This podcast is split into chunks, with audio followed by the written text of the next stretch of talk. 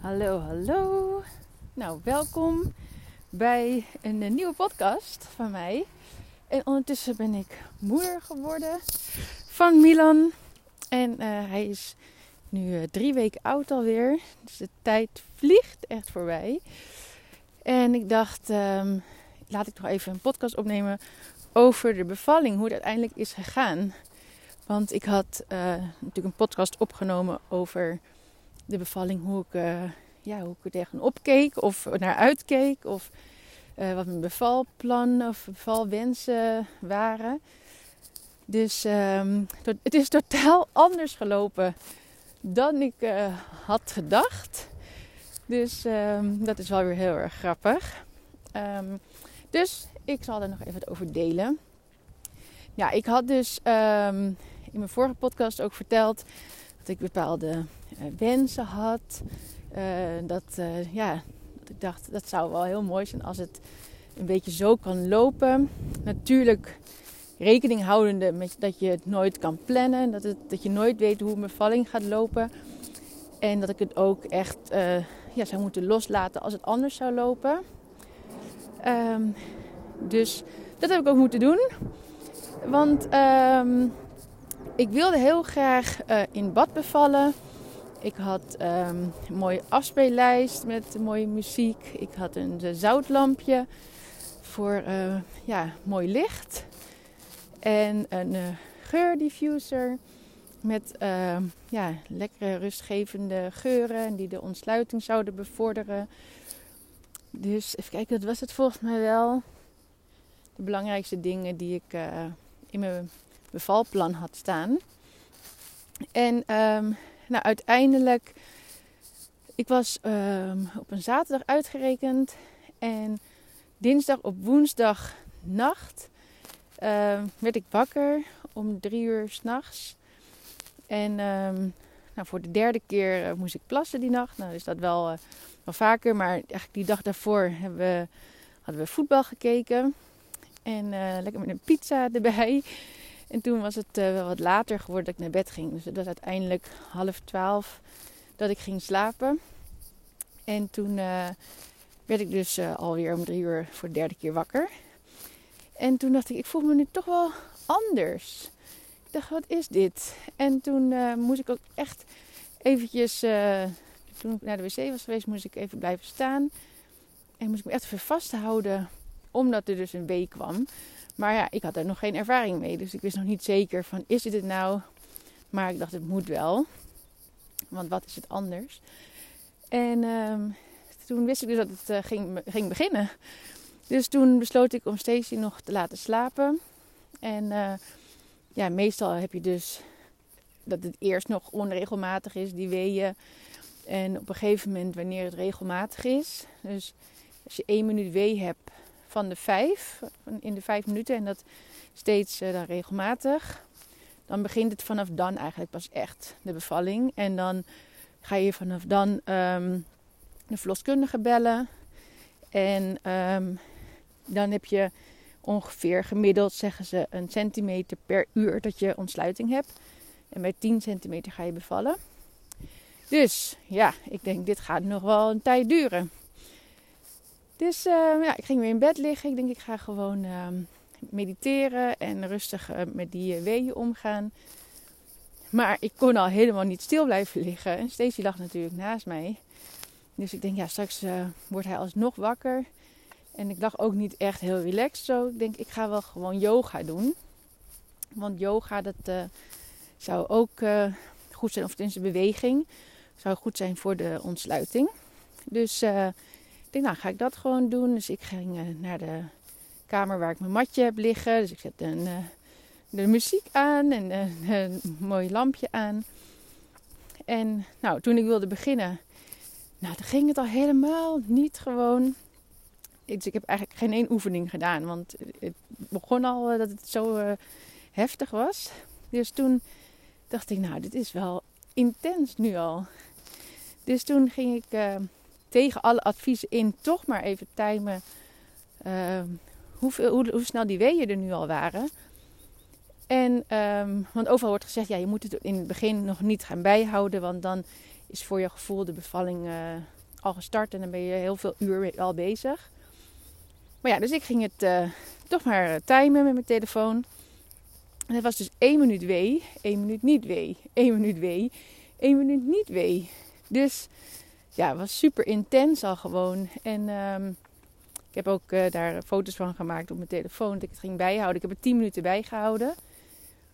En um, het was dus echt heel regelmatig. Steeds echt, nou ja, zo ongeveer precies een. Uh, ongeveer en precies, klopt niet. Nou, het was echt gewoon een minuut of misschien nog één of twee seconden erbij. Echt die wee en dan weer niet wee. Dus heel uh, stabiel. Dus ik denk, jeetje, dit gaat echt super snel. Dus ik denk, misschien uh, ben ik al heel ver zomaar in die bevalling. Dus laat ik nu toch maar uh, Stacey wakker maken en dat we de verloskundige gaan bellen. Nou, dus dat uh, gingen we doen. Dus ondertussen was het half vijf dat we de verloskundige belden. Dus ik was al anderhalf uur in de weer met die weeën. En nou, zij kwam. Zij was om vijf uur was ze er. En toen ging ze dus voelen van binnen. En toen had ik pas 1 centimeter ontsluiting. Dus ik vond het toch wel een beetje een tegenvaller. Maar ja, ik wist dat dat kon gebeuren. Dat je dan, als ze het gaan voelen, dat je ja, ook nieuws kan hebben waar je minder blij van wordt. Als je dus denkt dat je veel verder bent. Dus ik dacht, oké, nou, dat zegt eigenlijk nog niks. Want je weet helemaal niet hoe het verder gaat lopen. Dus um, ik denk, blijf in het moment.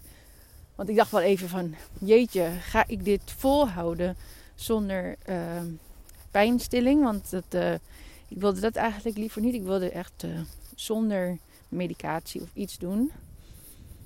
Maar ik denk, als ik dit nu nog 10 uur moet volhouden zoals het nu is, dan weet ik eigenlijk niet of het wel lukt. Maar ja, ik dus gelijk weer, Janne, blijf in het moment.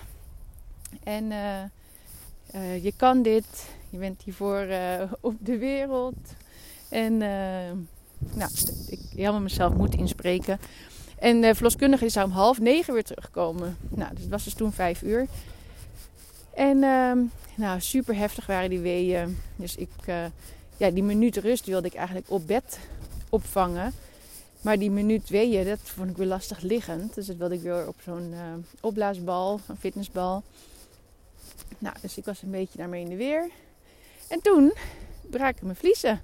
Stacey die was om mijn rug aan het duwen, want het hielp dan uh, voor die weeën. Maar toen in ene, toen uh, voelde ik dus enorm veel water. Dus wij uh, naar de wc. Maar omdat ik ook bloed had verloren, of eigenlijk nog steeds aan het doen was, doordat ze had getoucheerd, dus ging voelen hoe ver ik was, kon ik niet goed zien of het vruchtwater helder was. Dus toen um, ja, was het eigenlijk allemaal gewoon lichtroze. Want als het vruchtwater niet helder is, dus als het bruin is of groen, dan uh, heeft de baby daarin gepoept. In het vruchtwater. En dat uh, kan gevaarlijk zijn. Dus uh, nou, wij de verloskundige weer bellen en ik moest plat liggen. Toen kwam ze weer. En toen zei, kon zij dus toch zien dat er wel uh, in het vruchtwater was gepoept. Dus ik hoop dat jullie me nog goed konden horen. Um, maar toen had ik dus toch uh, Milan is toch in het vruchtwater gepoept. En uh, moesten we dus, dan moet je naar het ziekenhuis bevallen. Nou, nu wilde ik dat sowieso al. Maar ze had ook goed nieuws, want ze ging weer kijken hoe ver ik was. En dat was al 8 centimeter. Dus het was toen um, half acht of zo. Uh, ja, half acht ongeveer was het er, denk ik. En toen had ik dus, dus van 5 uur naar half acht, had ik dus in één keer van 1 centimeter naar 8 centimeter dus het was fantastisch nieuws. En toen um, nou, moesten we dus naar het ziekenhuis. Nou, in de auto was het natuurlijk vreselijk met die weeën. Dus uh, ja, daar moest ik, moest uh, wel wegpuffen. Dus ik deed goed mijn ademhaling. Tussendoor, uh, sowieso was ik de hele tijd bezig met ademhalingsoefeningen. En in die rust ging dan een um, bodyscan doen. Dus dat ja, checken of mijn hele lichaam ontspannen was. En ja, eigenlijk zat ik volledig in een roes. Helemaal in mezelf gekeerd ook. En uh, helemaal een soort stoned van de endorfines. Dus van de natuurlijke pijnstiller, pijnstillers die je aanmaakt. Dus dat was ook wel een bijzondere ervaring. En uh, in de auto was super mooi weer die dag. Het was heel warm. Dus de zon die scheen al en die uh, was nog niet zo lang op. Het zag echt super mooi uit. En Stacey die zei dan nog, uh, nog 20 minuten, nu nog 15 minuten liever, nu nog 10 minuten, nu nog 5. Dus die ging aftellen. Dat was dus 20 minuten of zo, 25 minuten rijden naar het ziekenhuis. En toen um, kreeg ik al persweeën in de auto.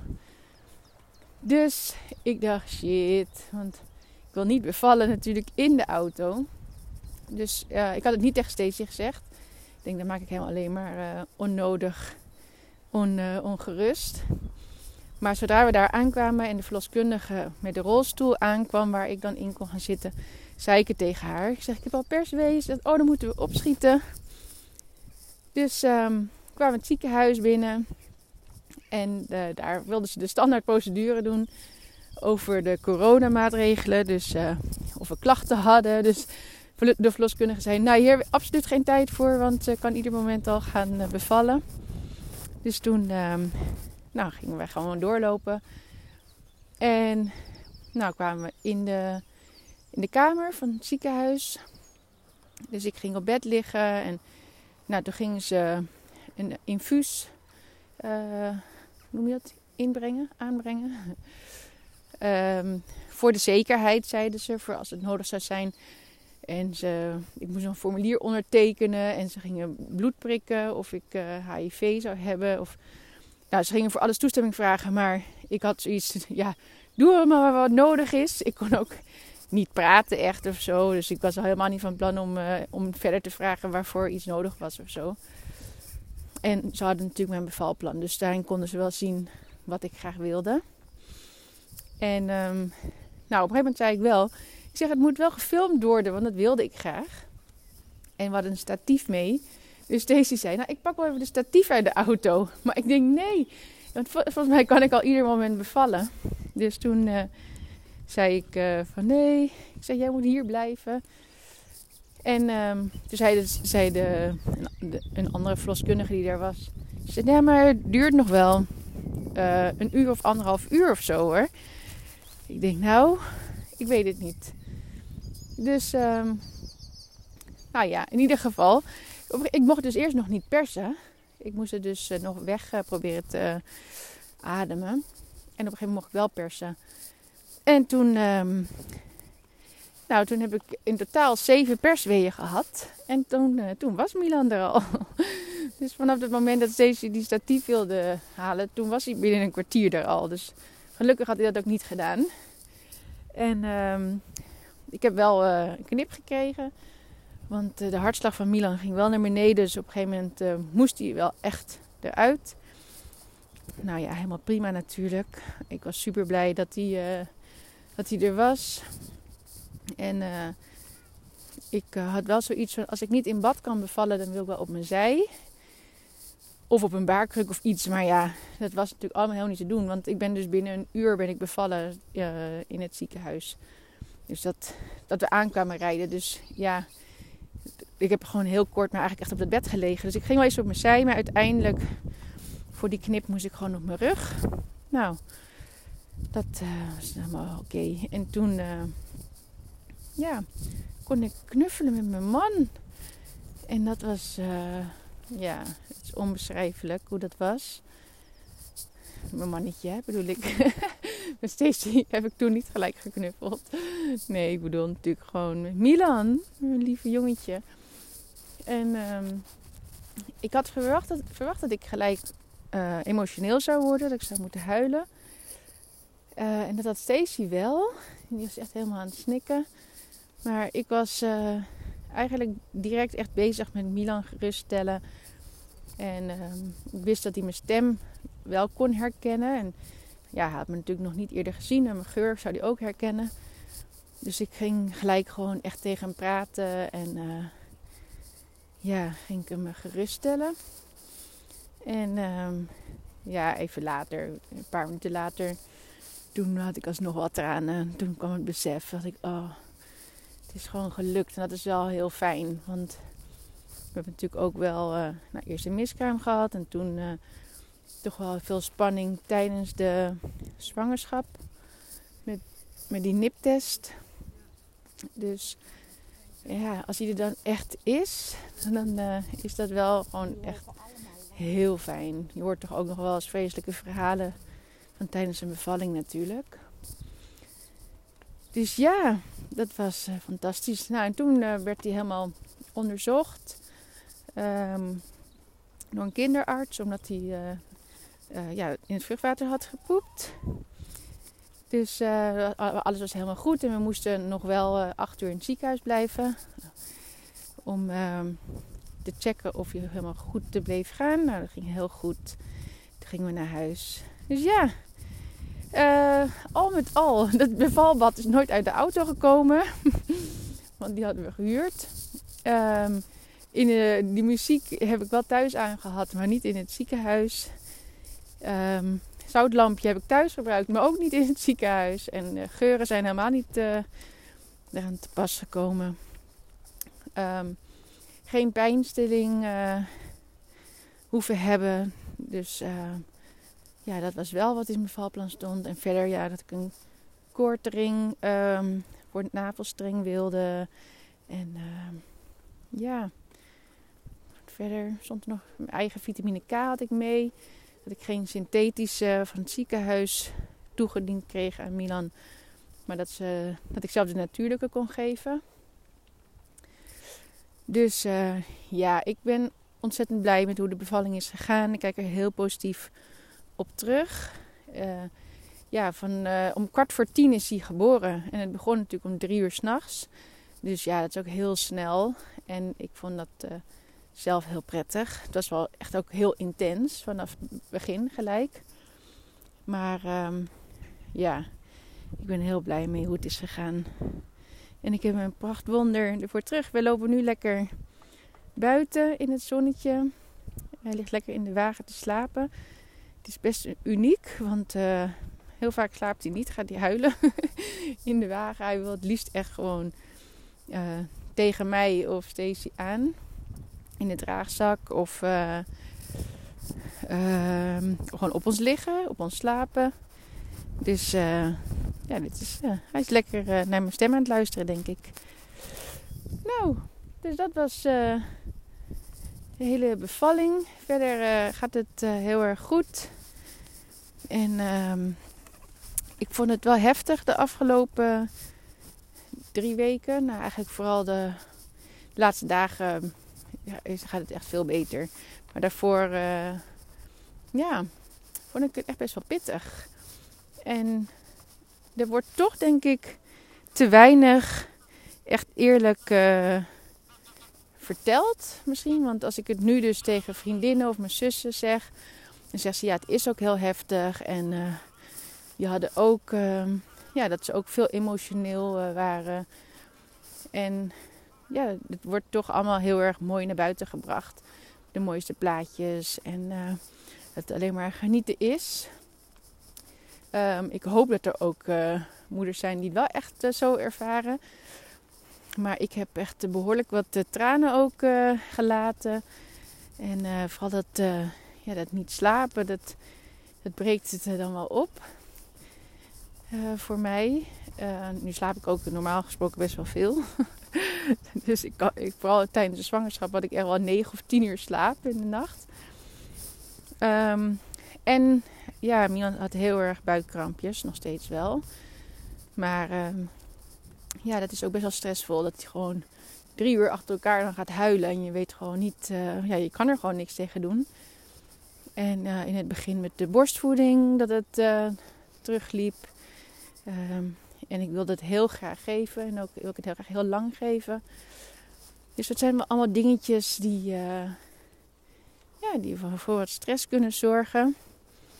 Maar nu gaat het. Uh, nu voel ik me echt veel beter. Ik, uh, ja, ik had echt wel een paar dagen dat ik me een beetje depressief voelde. Terwijl ik dat helemaal. Zo ben ik dus helemaal niet. Ik, ik ben altijd heel positief. En het glas is altijd half vol.